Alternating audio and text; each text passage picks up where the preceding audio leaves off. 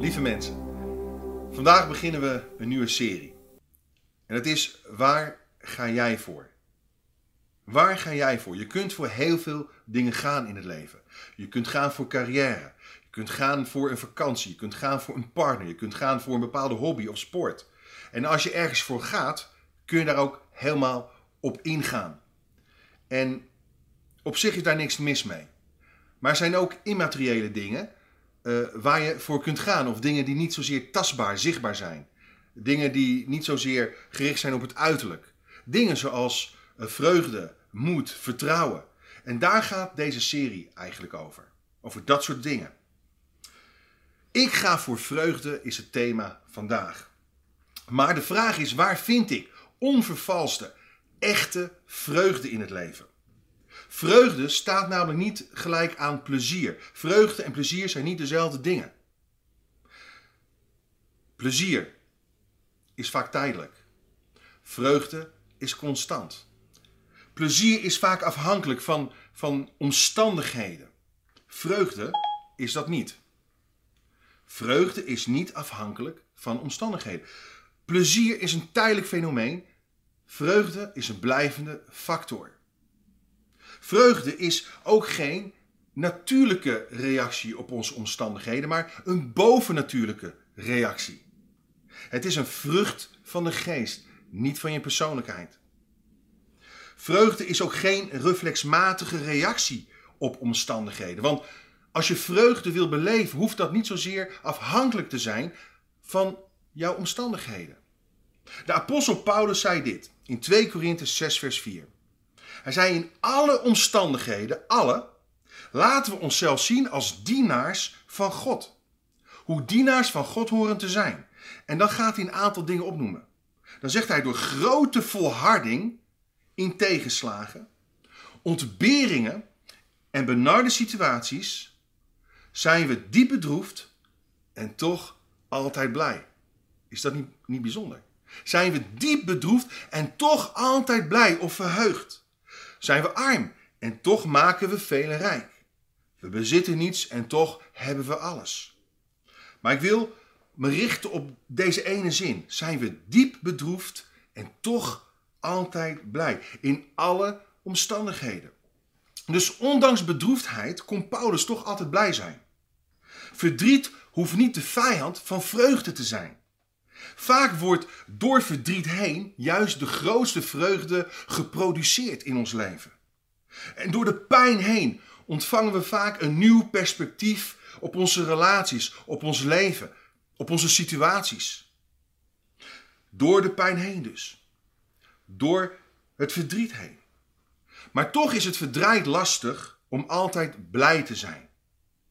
Sterker, als ik eerlijk ben, zijn heel veel mensen niet in staat, en ik ook niet altijd, om die ultieme vreugde waar de Bijbel over spreekt te ervaren. Echt ten diepste te beleven. Ik moet daar ergens een keuze voor maken. Waar ligt vaak de oorzaak? Misschien zoek je het op de verkeerde plaatsen. Wanneer je gelooft dat je een indrukwekkende scholing nodig hebt, of een brandschoon huis, of vierkeurig opgevoede kinderen, of een dik salaris, als dat je wachtwoord is om het koninkrijk van vreugde binnen te gaan, dan zit je er helemaal naast. Misschien denk je dat, dat vreugde komt door tientallen kilo's af te vallen. Of wanneer je trouwt met, met de ideale man of vrouw. De partner van je dromen.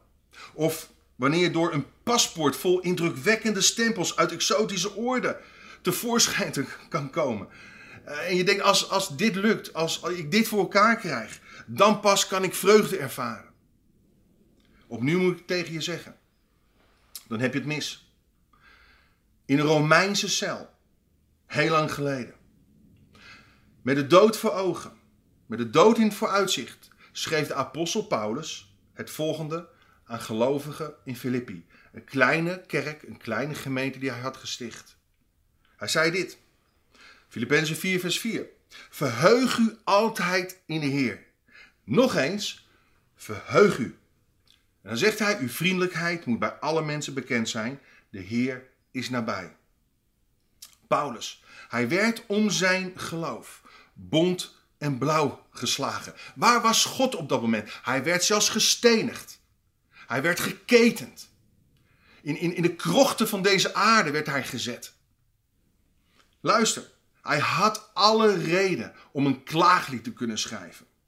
In een donker stinkende grot met bijna geen licht, omringd door de stank van urine en braaksel, begint hij te schrijven. Vol vreugde, vol optimisme, vol hoop. Hij had negatief kunnen zijn. Hij had verbitterd kunnen raken.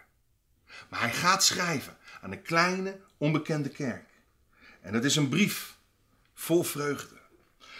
Maar liefst veertien keer gebruikt hij de woorden vreugde of blijdschap. Of zich verheugen. En in één zin herhaalt, Paul, herhaalt Paulus zich twee keer. Het kan niet genoeg benadrukt worden. Wees verheugd, verblijd je. Opnieuw, wederom zeg ik verblijd je. Laat je niet kisten door omstandigheden waar je ook doorheen gaat. Je innerlijke houding hoeft niet je uiterlijke omstandigheden te reflecteren.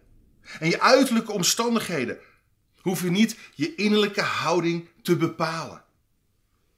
C.S. Lewis, hij zei het op deze manier. Het is een christelijke taak voor iedereen om zo blij mogelijk te zijn.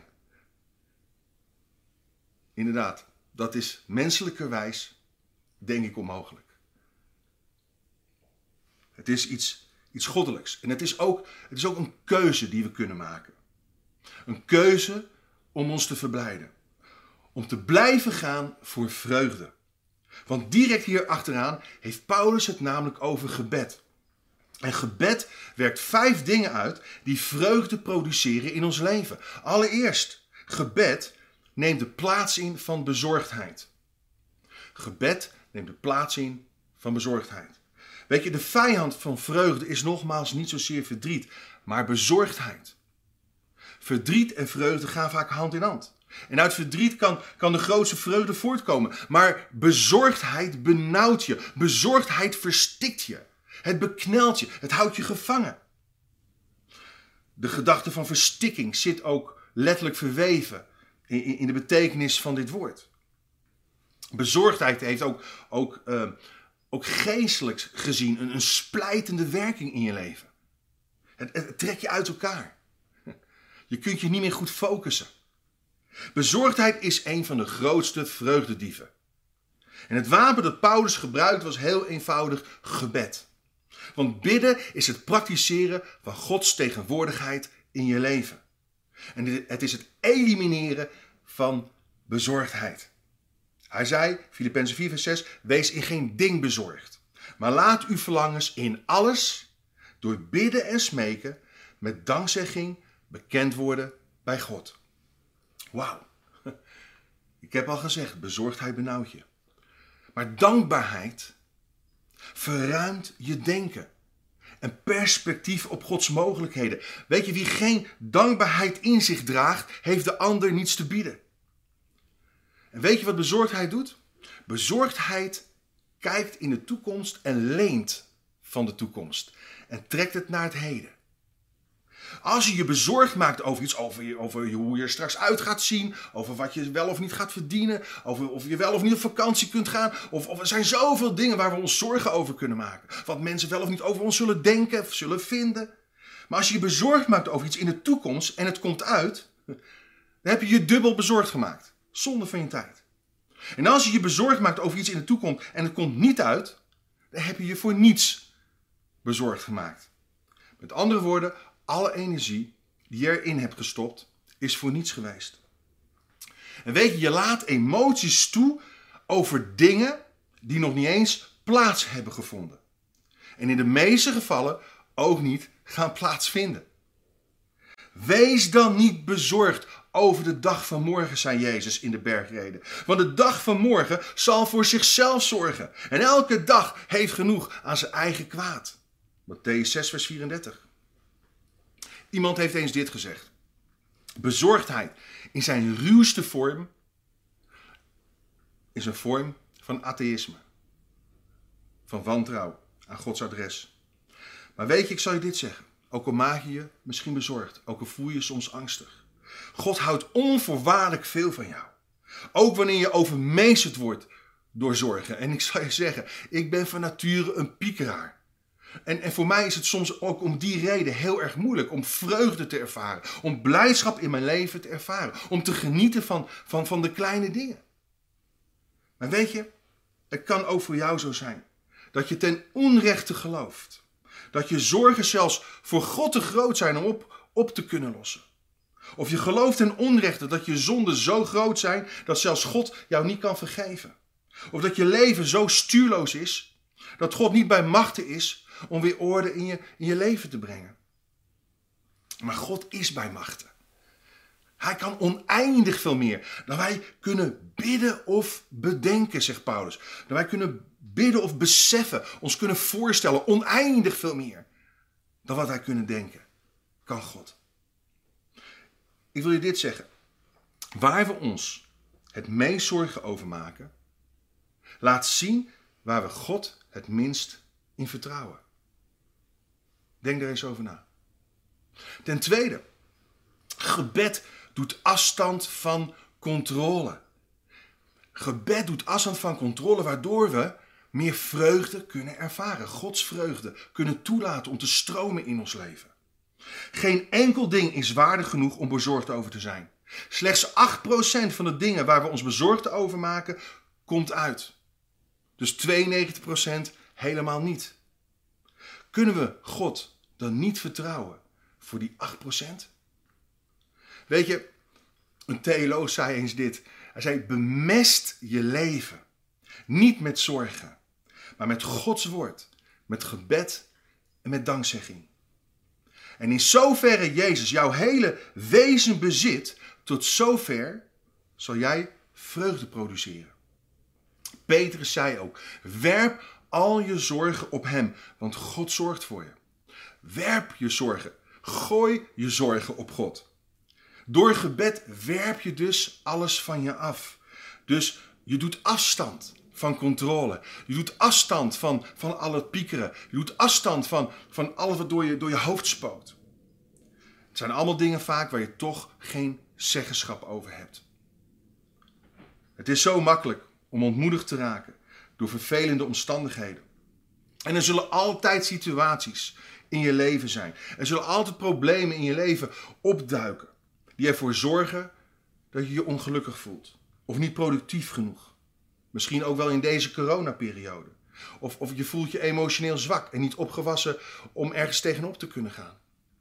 Ik zal je heel eerlijk zeggen, vorig jaar, precies een jaar geleden, in mijn burn-out, kon ik totaal geen vreugde ervaren. Wat ik ook deed, wat ik ook probeerde. En het spookte door mijn hoofd. En ik heb moeten leren om, om bepaalde gedachten gewoon te blokkeren. Om te zeggen, nee, stop en nu niet verder. Weg met die gedachten van onheil. Weg met die gedachten van, van minderwaardigheid. Weg met die gedachten van ik ben niet goed genoeg. Een keuze. En dat is, dat is ook een proces. Weet je, ik geloof dat, dat niets wat je overkomt jou hoeft te doen stoppen met je te verblijden. Niets wat je overkomt, geen enkel incident zou je vreugde mogen stelen. Want die vreugde zou geworteld moeten zijn in een intieme relatie en vriendschap met God, de Vader en zijn Zoon Jezus Christus. En dit kan alleen ervaren worden als je je verheugt, zegt Paulus, in de Heer. Hij zat in de gevangenis. Tuurlijk, dat is geen pretje. Het was een vieze bende, een stinkende bende. Een, een onbehagelijke toestand waar hij in verkeerde. Maar verblijd je in de Heer. In God. Door in relatie met Hem te staan. En dan zegt hij, in Filippenzen 4 vers 7, dan zal de vrede van God, die alle verstand te boven gaat, uw hart en uw gedachten in Christus Jezus bewaren. Wat zegt Paulus? Wat zegt hij? Bid en dan zul je je vragen of gebeden vervuld worden? Nee, hij zegt wel, maak alles bekend bij God. Werp je zorgen op Hem. Maak je verlangens bekend. Openbaar je hart. Praat met Hem over wat je dwars zit. Maar hij zegt, niet, dan zal alles wat je wil gebeuren. Hij zegt nee, dan zal de vrede van God je tegemoet komen. De vrede van God zal je gedachten en, en, en je hart bewaren in Christus. Gods vrede zegt hij letterlijk eigenlijk ook vanuit het Grieks, is als een schildwacht. Als een schildwacht. De vrede van God beschermt ons als een gewapende soldaat. Jezus is eigenlijk de citadel waarbinnen ik Gods vrede mag ervaren en ondervinden. William Barclay, een, uh, een Bijbeluitlegger, hij zei eens dit. Als je bidt, denk dan aan de liefde van God, die het beste voor jou wil. Als je bidt, ten tweede, denk dan aan de wijsheid van God, die weet wat het beste voor je is. En denk dan aan de kracht van God, die alles tot stand kan brengen. Vervolgens, volgende punt is dit. Gebed ordent onze gedachten, ordent onze manier van denken, schept orde in onze gedachtenwereld. Waar worden onze gedachten mee gevuld? Er komt zoveel troep op ons af. En weet je wat we denken heeft invloed op elk terrein van ons leven, ook op hoe we ons voelen. En er komt zoveel op ons af.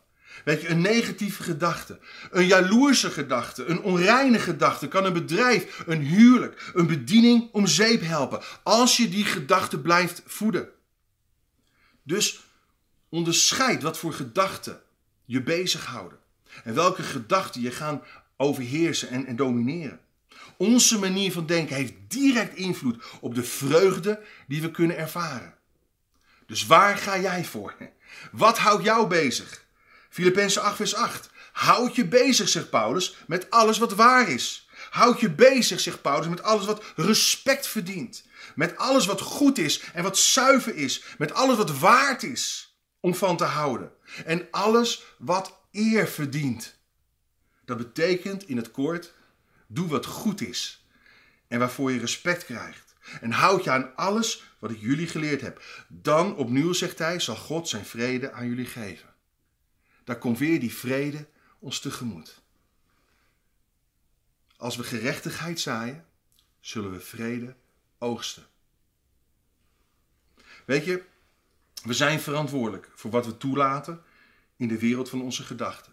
Dus verspil je verstandelijke vermogens niet aan gedachten die jezelf of anderen naar beneden halen.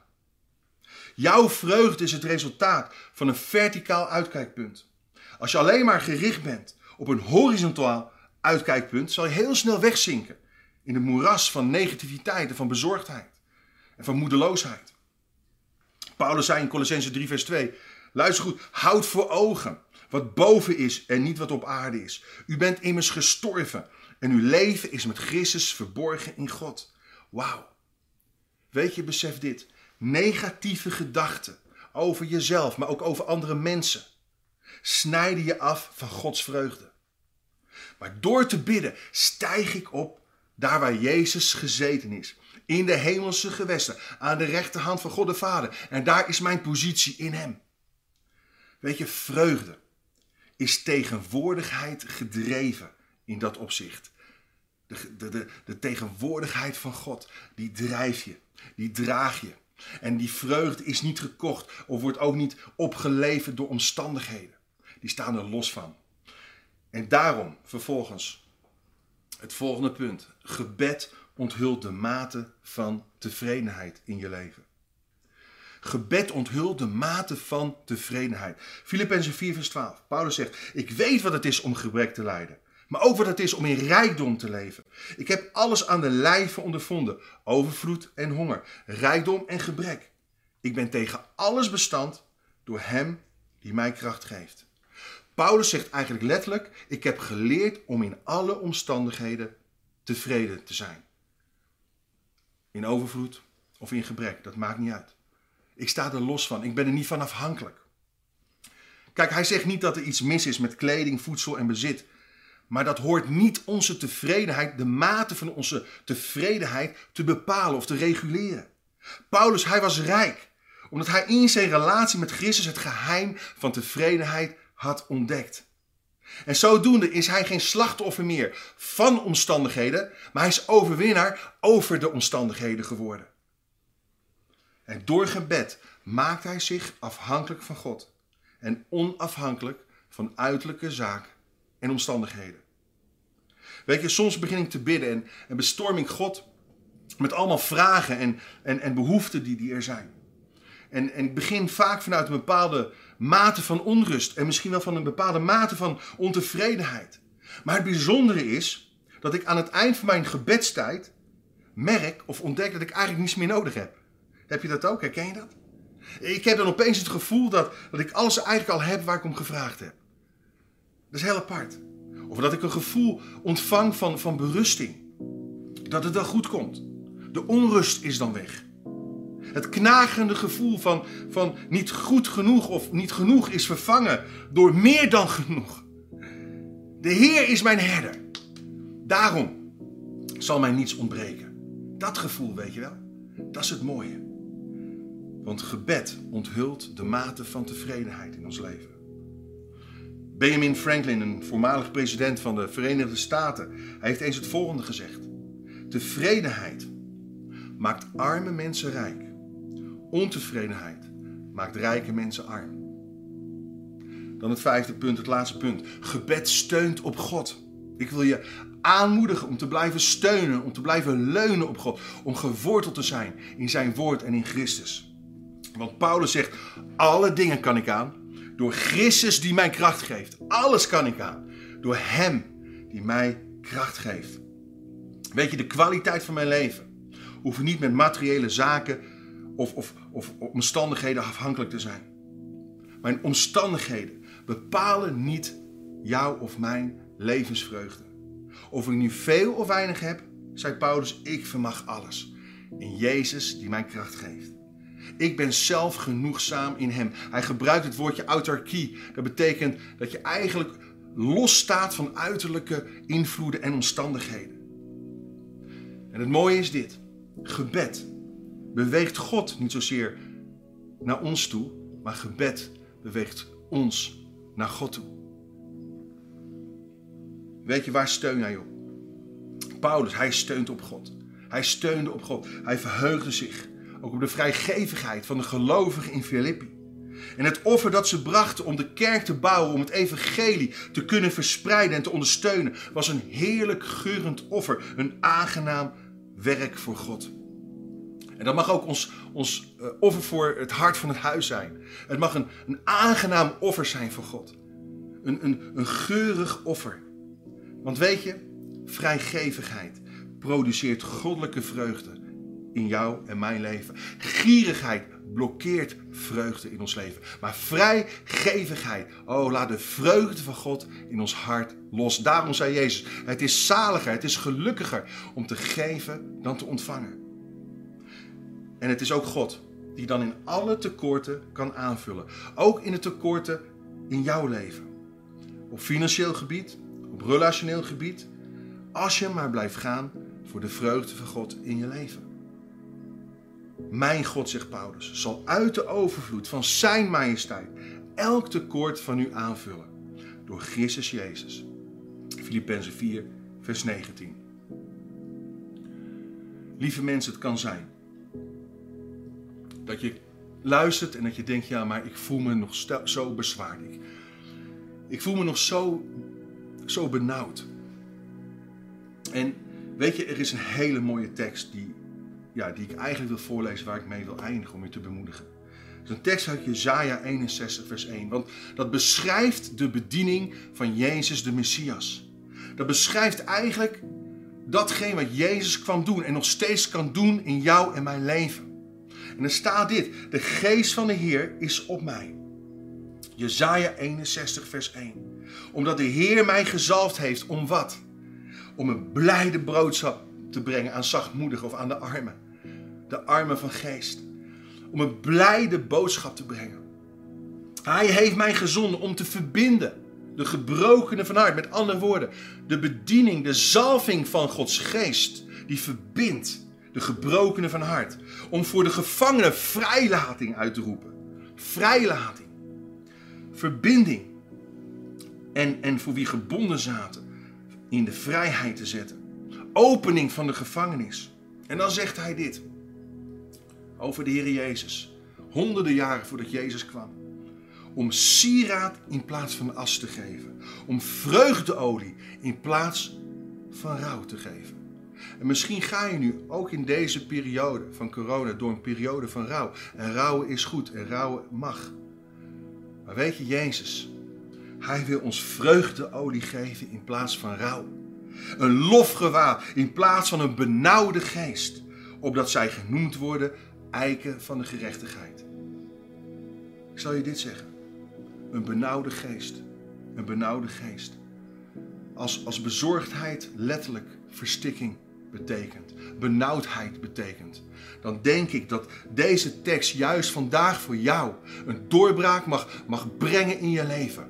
Een doorbraak in jouw zorgen, in jouw bezorgdheid, in jouw angsten. Want Jezus, door zijn geest, hij, hij wil jou vullen met vreugdeolie in plaats van rouw. Hij wil een lofgewaad jou, jou met je een lotgelofgewaad aankleden en bekleden. In plaats van een benauwde geest. Die benauwde geest wil hij verdrijven uit je leven. Zullen we in gebed gaan? Ons focus op God. Ja, Heer, ik, ik kies ervoor om op U te steunen. Heer, ik wil leren afhankelijk te zijn van U. Heer, help me om te focussen op wat U wil en mijn gedachten te richten op de dingen die boven zijn en niet op die van beneden zijn. Heer, ik, ik, ik doe afstand om, om overal controle op uit te oefenen. En Heer, ik werp mijn zorgen op U. Ik vertrouw, Heer, dat, dat U mijn verlangens kent en, en, en, en mijn hart vult met Uw vrede die alle verstand, alle begrip te boven gaat. Heer, dank U dat, dat een benauwde geest plaats mag maken voor een lofgewaad. Heer, dat, dat rouw opzij zal stappen voor uw vreugdeolie. Heer, dat mijn leven niet langer een yo-yo zal zijn. Die afhankelijk is van omstandigheden en van gevoelens. Maar een eik van gerechtigheid. Een boom van gerechtigheid. Dat ik geplant mag zijn, Heer, in uw huis. Heer, dank u wel. Dat ik mag kiezen voor vreugde. Waardoor ik stabiel en standvastig zal leven. Heer, u bent mijn vreugde. En om de vreugde, Heer, die, voor u lag, hebt u toch nog, Heer, hebt u toch nog het, het, hebt u het kruis gedragen. Ondanks de schande, ondanks de pijn. Heer, om, omdat u ons zag, omdat u mij zag. Heer, u, hebt het kruis gedragen. Voor ons. Heer, dank u wel daarvoor. Heer, ik kies, Heer, om om me te laten verbinden. Ik kies hier om mijn wonden te laten helen. Heer, door, door uw olie, door uw zalving, door uw aanwezigheid, door uw tegenwoordigheid. Heer, ik richt me tot u. Ik stel mijn hart open. En als jij ook je hart wil openstellen, doe dat dan nu op dit moment. Ook digitaal, via de chat, mag je aangeven. Ik, ik, ik ga voor vreugde. Ik ga voor Jezus. Ik kies voor Jezus. Ik laat Hem toe, zodat die benauwde geest mag wijken voor zijn lofgewaad, voor zijn vreugdeolie. Ik wil je zegenen in Jezus' naam.